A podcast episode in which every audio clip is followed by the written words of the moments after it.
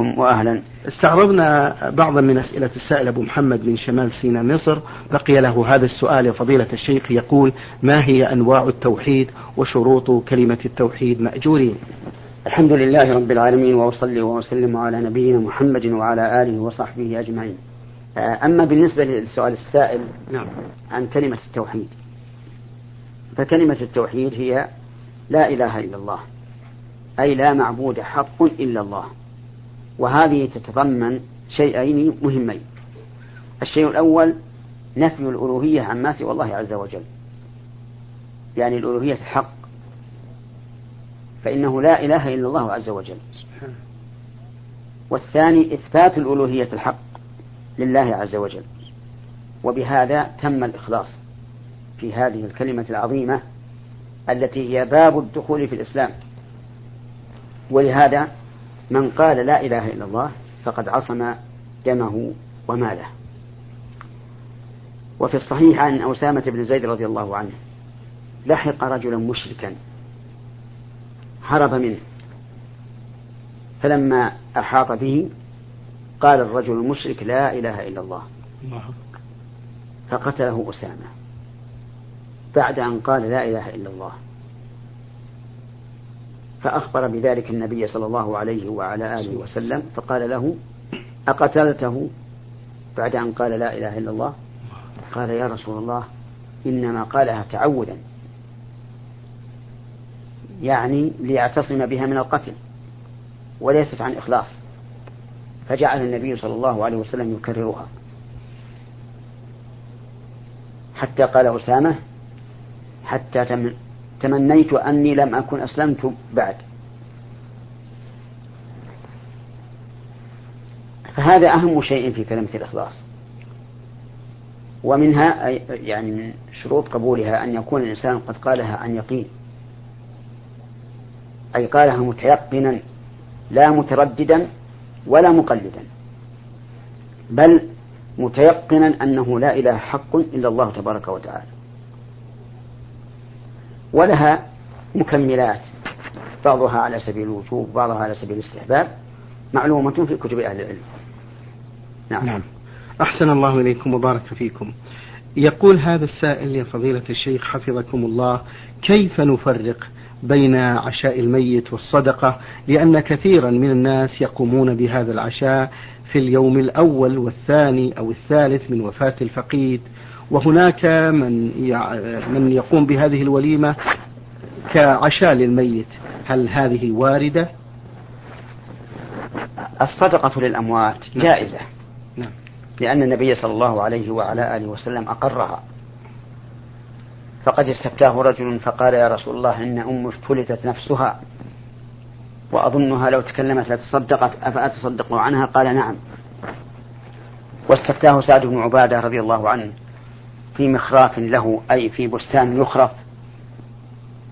يتصدق به عن أمه فأفتاه النبي صلى الله عليه وعلى آله وسلم بالجواز. لكننا لا نقول إن هذا مستحب. يعني لا نقول للناس تصدقوا عن موتاكم نعم. بل نقول إن تصدقتم فلكم أجر الإحسان وأجر الصدقة للميت وإن لم تتصدقوا فإننا لا لا نطالبكم بالصدقة. ولا نقول إنها سنة عن الميت. لأن النبي صلى الله عليه وعلى آله وسلم لم يسنها لأمته. وإنما هي قضايا أعيان استفتي فيها فأفتى فيها بالجواز. وفرق بين الجواز الذي لا ينكر على فاعله والمشروع الذي يطالب به العبد. وأقول لإخواني الذين يسمعون كلامي هذا أقول لهم إنكم تريدون الخير للميت لا شك. نعم. ولكن لماذا لا لماذا لا نتأسى بإرشاد النبي صلى الله عليه وعلى آله وسلم؟ فإنه صلى الله عليه وسلم قال إذا مات الإنسان انقطع عمله إلا من ثلاث صدقة جارية أو علم ينتفع به أو ولد صالح يدعو له. فجعل وظيفة العمل أو وظيفة وظيفة العمل الدائم للميت هو دعاء الولد الصالح له.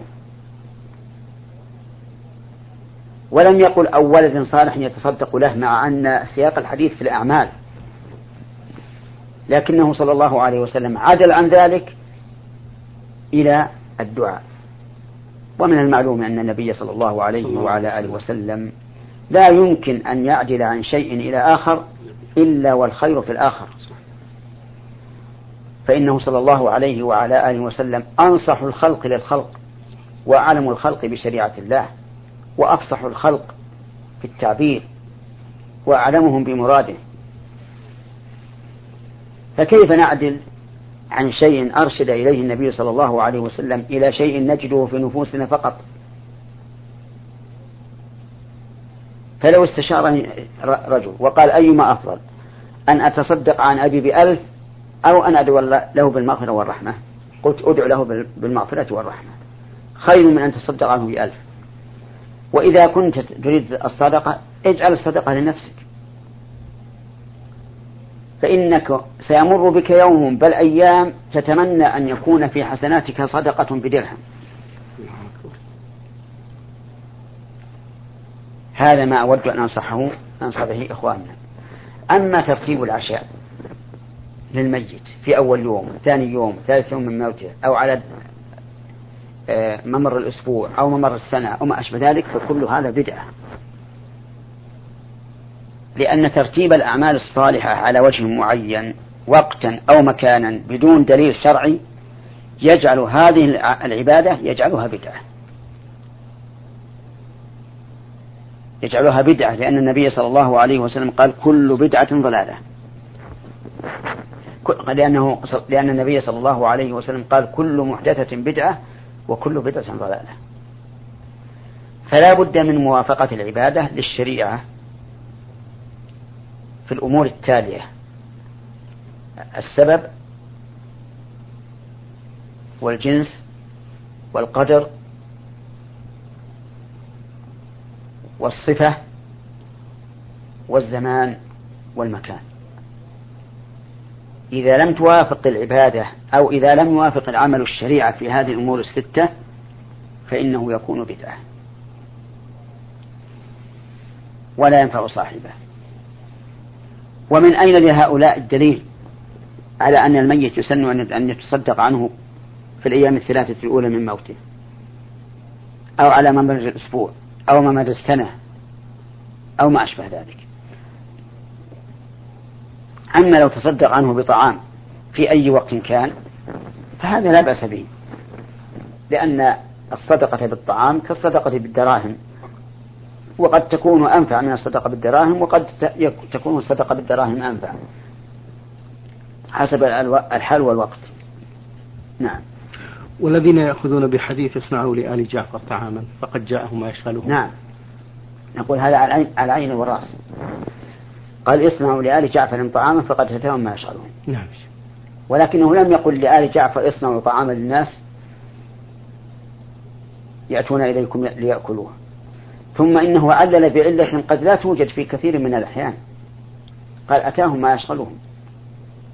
في وقتنا الآن والحمد لله لا يشغل الناس شيئا. لا لا يشغل الناس شيء عن صنع صنع الطعام. وإذا لم يتمكنوا من صنعه بالبيت فما أسهل من أن أن يأتوا إلى أدنى مطعم لهم يشترون ما شاءوا. والحكم إذا علل بعلة فإنه يزول بزوال تلك العلة. وهل قال الرسول عليه الصلاة والسلام اصنعوا لهم طعاما يجمعون الناس عليه؟ أبدا. ولو قال اصنعوا طعاما يجمعون الناس عليه لكان هذا أشد شغلا لهم من صناعة الطعام. نعم. أحسن الله إليكم وبارك فيكم فضيلة الشيخ. من أسئلة هذا السائل من إحدى دول المغرب العربي يقول اشترى ثلاثة أشقاء منزل بمالهم وكتب أحدهم وصية يقول فيها إذا توفيت أو إذا انتقلت إلى رحمة الله فإنني أترك التركة لإخواني الأشقاء ولا نصيب لزوجتي في هذا الميراث. ما حكم الشرع في نظركم في هذا العمل؟ هذا العمل محرم. لأنه يتضمن الوصية لبعض الورثة وحرمان بعضهم. نعم. وهو من تعدي حدود الله عز وجل. فإن الله تعالى جعل للزوجة نصيبها. إن كان لزوجها أولاد فلها الثمن وإن لم يكن له أولاد فلها الربع. وقال النبي صلى الله عليه وعلى آله وسلم إن الله أعطى كل ذي حق حقه فلا وصية لوارث هذه الوصية وصية جائرة والموصي آثم وعليه أن أن يمزقها إن كان حيا وعلى ورثته أن يقسموا ماله على فريضة الله عز وجل. فيعطي الزوجة نصيبها كاملا ويعطي هؤلاء نصيبهم كاملا. نعم. أحسن الله إليكم. من أسئلة هذا السائل يقول يا فضيلة الشيخ عندما يموت شاب غير متزوج في بلادنا فإن النساء يزغردن عند خروجه من المنزل ما حكم الشرع أيضا في نظركم في هذا العمل؟ الزغرة أصلها عبث وله وأصوات فيها أصوات منكرة سواء كان لخروج الميت الشاب من بيته أو لزواج أو لفرح بالعيد أو ما أشبه ذلك. فينهى عنها مطلقا. وإذا تعلقت بخروج الميت الشاب الذي لم يتزوج من من نعم. من, من بيته صارت أقبح وأقبح. وأخشى أن تكون هذه نوعا من النياحة. وقد ثبت عن النبي صلى الله عليه وسلم أنه لعن النائحة والمستمعة. وقال النائحة إذا لم تتوب قبل موتها تقام يوم القيامة وعليها سلبان من قطران ودرع من جرب نعم. أحسن الله إليكم وبارك فيكم. هذا آه، أخوكم في الله أبو الحسن أحمد يقول فضيلة الشيخ سؤالي آه، أفيدكم فيه بأنني رضعت في الصغر من امرأة غير أمي وكذلك لها ابن في نفس سني ورضع معي من أمي. وسؤالي فضيلة الشيخ هل هذا الشخص الذي رضع آه، معي أخا لي في الرضاعة أم لا؟ وكذلك يوجد له إخوة كثيرون لم يرضعوا معي فهل هم لي فهل يعتبرون إخوة لي أيضا؟ نعم. أول لا بد أن نعلم أن الرضاعة له شروط. منها أن يكون خمس مرات فأكثر. فإن كان مرة نعم. فلا عبرة به. أو مرتين فلا عبرة به. أو ثلاث مرات فلا عبرة به. أو أربع مرات فلا عبرة به. لا بد من خمس مرات. في حديث عائشة رضي الله عنها قالت كان فيما أنزل من القرآن عشر رضعات معلومات يحرمن فنسخن بخمس رضعات معلومات. ثانيا لا بد أن يكون الرضاع في زمنه. أي في زمن الإرضاع. فلا عبرة برضاع الكبير الذي قد فطن. لقول النبي صلى الله عليه وسلم لا رضاع إلا ما أنشز العظم وكان قبل الفطام. فإذا تم شروط الرضاع فإنك لما رضعت من أمه صرت أخا له ولجميع إخوانه من هذه المرأة السابقين واللاحقين. وصرت أيضا لأخ أخا لأولاد زوجها من غيرها. وصرت أيضا أخا لأولادها من غير زوجها. فإذا فرضنا أن امرأة أرضعت وهي في حبال زوجها المسمى عبد الله أرضعت طفلا وكان له أولاد من غيرها. فإن أولاده من غيرها يكونون إخوة لهذا الراضع من الأب. وإذا كان لها أولاد من غيره من زوج سابق أو من زوج لاحق فإن أولادها من الزوج الآخر إخوة لهذا الذي رضع منها من الأم. وأما أولادها من زوجها الذي رضع الذي من زوجها الذي رضع منه الطفل وهي في حباله فإنهم إخوة له من الأم والأب. وعلى هذا فجميع أبناء المرأة التي فجميع أولاد المرأة التي أرضعته من بنين وبنات إخوة له. وجميع أولاد زوجها إخوة له. وفي السؤال أن هذا الطفل رضع من أم الراضع نعم. فنقول فيه ما قلنا فيه. أي نقول إن جميع أولاد المرأة التي أرضعته إخوة له من الرضاعة إخوة له من الرضاع.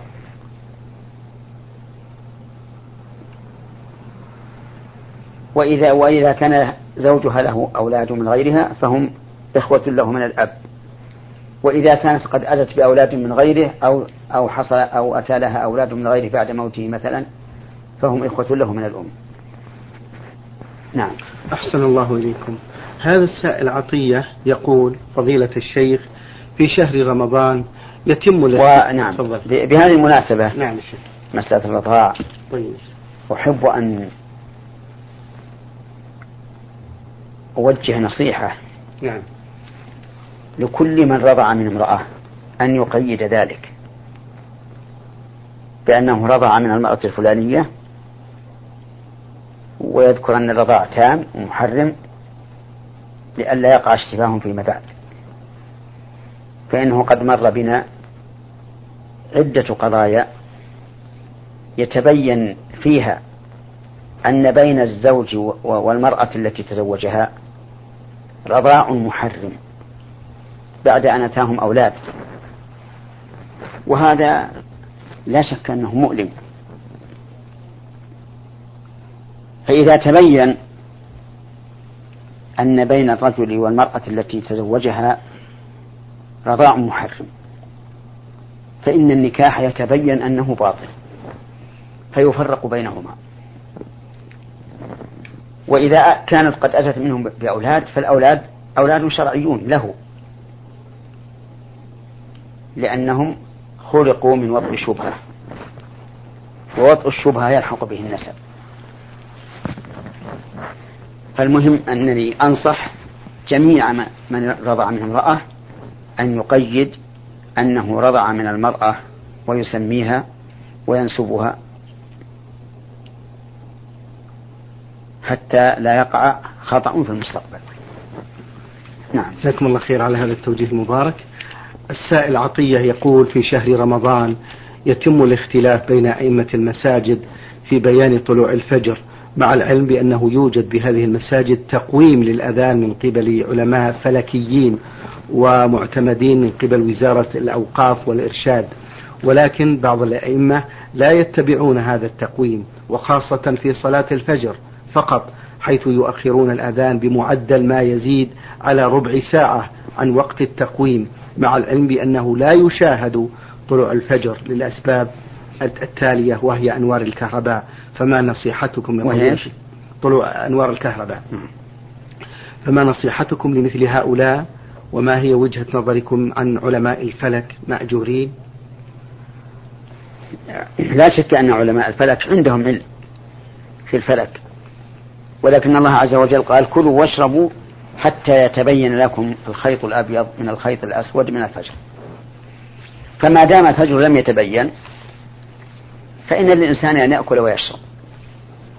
ولكن المشكلة الآن أن من كان في المدن أو القرى التي فيها الكهرباء لا يمكنه أن يدرك طلوع الفجر من أول ما يطلع. لوجود الأضواء. فالاحتياط أن الإنسان إذا حل وقت الفجر حسب التوقيت أن يمتنع من الأكل والشرب.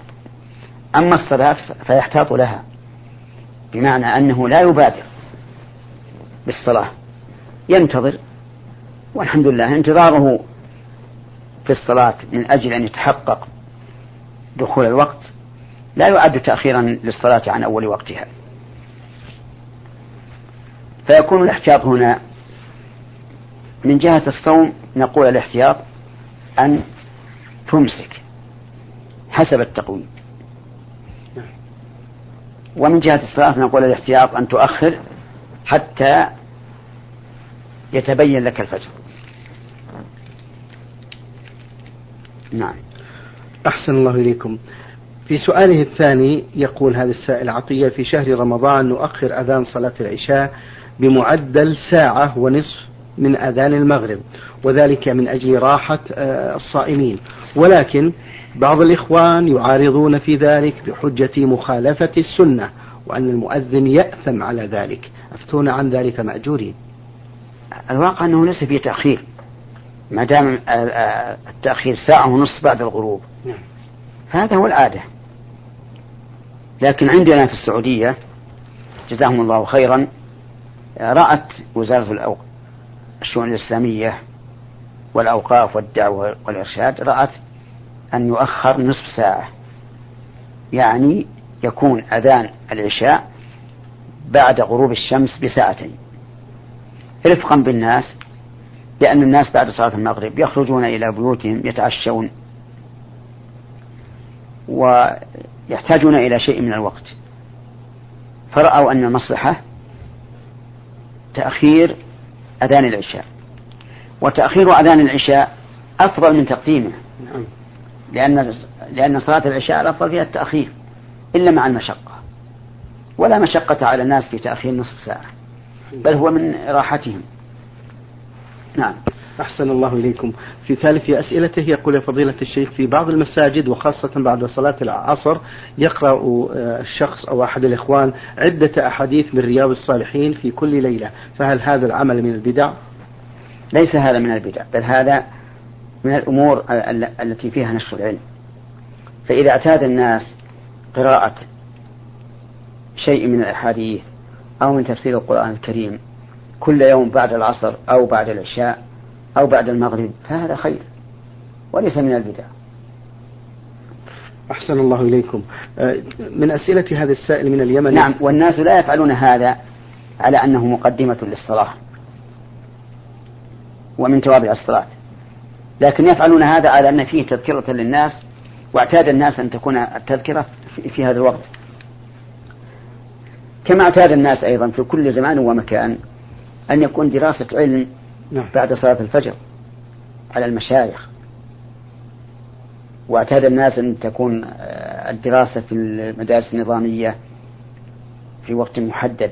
كل هذا ليس فيه بأس ولا يعد من البدع الدينية. نعم. طيب. أحسن الله إليك يا شيخ. بعض النساء يذهبن بأولادهن عند امرأة تعالج الأمراض بالطب العربي مثل الأشجار وغير ذلك. ولكن أحيانا يدخل من ضمن العلاج لبن الأتان. أنثى الحمار يشربه الطفل المريض فهل يجوز إعطاء الطفل هذا اللبن؟ لا يجوز لأحد أن يتداوى بألبان الحمير لأن ألبان الحمير محرمة نعم. ولم يجعل الله تعالى شفاء عباده بما حرم عليهم لأنه لو كان لهم فيه خير ما حرمه ولا يجوز للطبيبات أن يخلطن الدواء بشيء من ألبان الحمير. وهن بذلك آثمات. فعليهن أن يتقين الله وأن يبتعدن عن خلط الدواء بشيء محرم. هل تأثم المرأة إذا لم تقم بالعدة الشرعية وهي الحداد على الزوج؟ وخاصة إذا كانت هذه المرأة عجوز وما هي الحكمة الشرعية من هذه العدة؟ نعم. نعم تأثم المرأة إذا تركت الإحداد لأنها عصت الله ورسوله. ثم إنها أهدرت حقا من حقوق الزوج. لأن العدة من حقوق الزوج. قال الله تعالى يا أيها الذين آمنوا إذا نكحتم المؤمنات ثم طلقتموهن من قبل أن تمسوهن فما لكم عليهن من عدة تعددونها. فدل هذا على أن العدة حق للزوج على المرأة.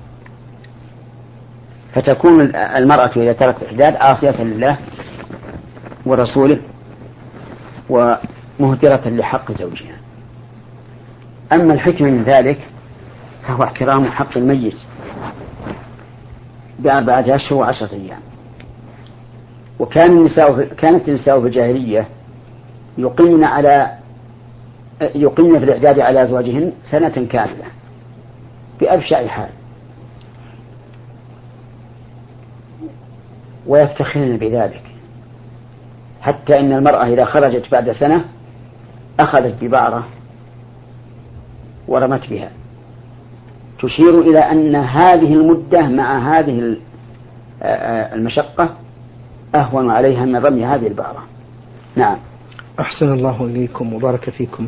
السائلة من الأردن في سؤالها هذا تقول فضيلة الشيخ محمد ما هي شروط لا إله إلا الله وضحها لنا يا شيخ؟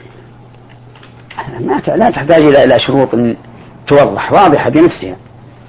لا إله إلا الله يعني لا معبود حق إلا الله.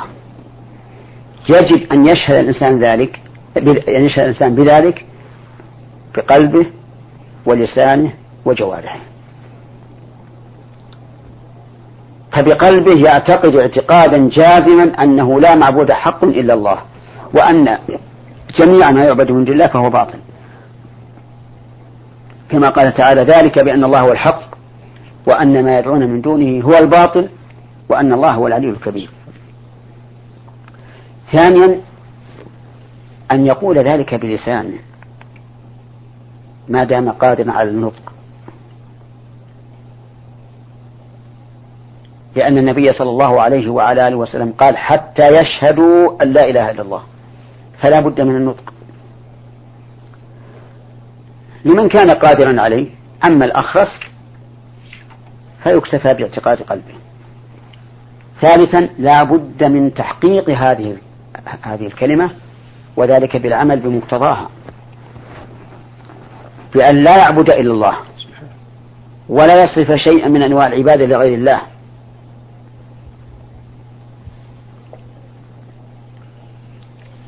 فمن أشرك بالله ولو شركا أصغر فإنه لم يحقق معنى قول لا إله إلا الله. ومن تابع غير الرسول عليه الصلاة والسلام مع مخالفته للرسول صلى الله عليه وعلى آله وسلم فإنه لم يحقق معنى لا إله إلا الله. ولهذا كان النبي صلى الله عليه وعلى آله وسلم يكتفي بقول لا إله إلا الله. حتى فيما يظن الإنسان أنه قالها لغير غير مخلص بها. فلهذا نقول لابد من النطق بها باللسان والعمل بمقتضاها بالأركان والاعتقاد بمعناها ومدلولها في الجنان أي في القلب. شكر الله لكم يا فضيلة الشيخ وبارك الله فيكم وفي علمكم ونفع بكم المسلمين.